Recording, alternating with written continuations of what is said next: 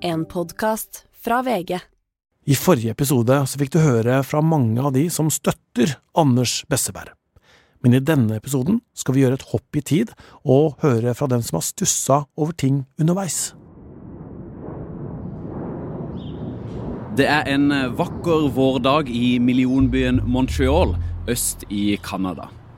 Idrettsledere fra hele verden er på plass i storbyen, som består av skyskrapere og hyggelige nabolag. Kalenderen viser mai 2017, og idrettens representanter har samla seg på et hotell. Inne i konferansesalen er det få minutter til styremøtet begynner i verdens antidopingbyrå WADA. Og jeg husker jeg kommer inn i den, den store konferansesalen og skal, er på vei til å gå og sette meg. Linda Hofstad Helleland er kulturminister og er nylig valgt til visepresident i antidopingbyrået. Hun vil rydde opp og få internasjonal idrett ren, uten doping. Og dette er første styremøte i den nye rolla. Og det er jo litt kaos, og folk eh, finner plassene sine. Og jeg har akkurat identifisert hvor jeg skal sitte. Så kommer det en i full fart mot meg. Jeg er nesten litt sånn på grensa til å være aggressiv. Jeg hadde aldri møtt vedkommende før. Jeg rygga litt og ble litt uh, usikker. Han snakker jo norsk har åpenbart veldig mye på hjertet. Han eh, ga uttrykk for at han kjente Russland godt. Han kjente eh, russisk idrett godt og hadde nære relasjoner til sentrale aktører i, eh, i Russland. Jeg må ikke tro på noe av det jeg hører blir sagt om russisk idrett. Det har ikke noe rot i virkeligheten. Og det var jo for meg helt uforståelig. Og det er første gang jeg møter og hilse på Anders Westberg. Eh,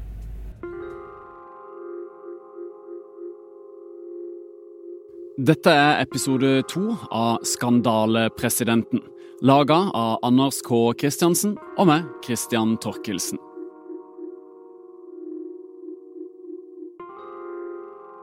I forrige episode fikk du høre fra flere av støttespillerne til skiskytterpresident Anders Besseberg om hvordan han gjennom 90-tallet og starten av 2000-tallet var sentral i å bygge opp skiskyttersporten.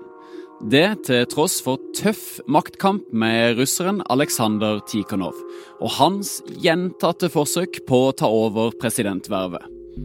Men siden skal det dukke opp andre historier om Besseberg. For etter 2010 begynner flere å stusse. Og nå skal du få høre deres historier om hva de mener Besseberg gjorde og ikke gjorde. Og om storpolitikken som pågikk i bakgrunnen. Anders Bessebergs advokat skriver til oss at eh, hans klient ikke vil si noe nå, men skal forklare seg i rettssaken som kommer. Vi begynner noen år før Linda Hofstad Helleland møtte Besseberg. Vi skal til Holmenkollen i 2013.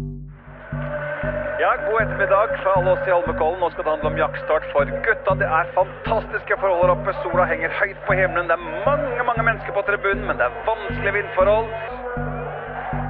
Presidenten i Det norske skiskytterforbundet er på hotellet før konkurransene starter. Tore Bøygard er fra Ole Hallingdal. Vært, organ, vært involvert i skiskyting siden slutten av 80-tallet. Og nå legger Tore Bøygard merke til en russer han godt vet hvem er.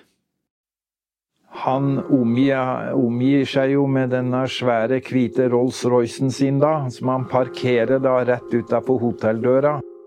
Han er jo en mektig mann i Russland. Og så går han rundt i en svær hatt, og så går han rundt i jeg vet ikke om det er ulveskinn eller hva det er slags frakk han har. Eh, og så er det mye gull. Veldig mye gull.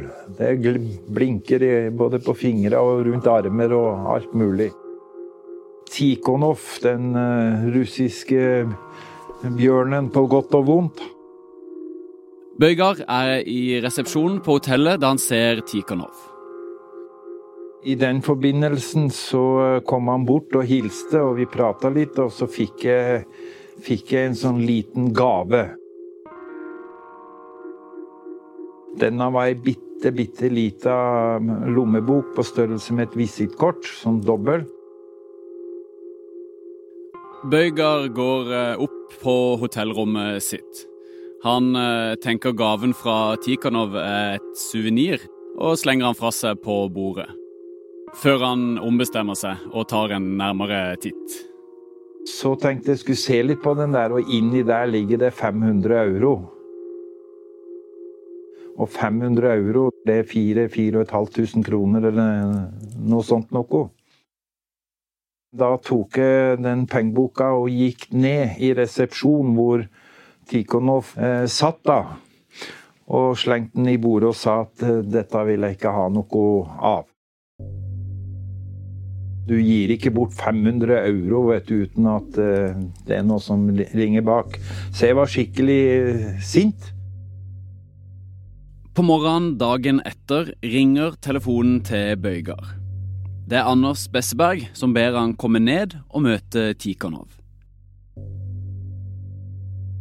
Besseberg, Tikhonov og Bøygar setter seg på et ledig bord i nærheten av resepsjonen. Nå skal Bøygar få en forklaring på gaven. Og der stopper vi denne episoden. Nå har du hørt starten av episode to av Skandalepresidenten, og hvis du vil høre hele og episode tre, så går du inn på Podme det er gratis de to første ukene, så du kan høre begge episodene da.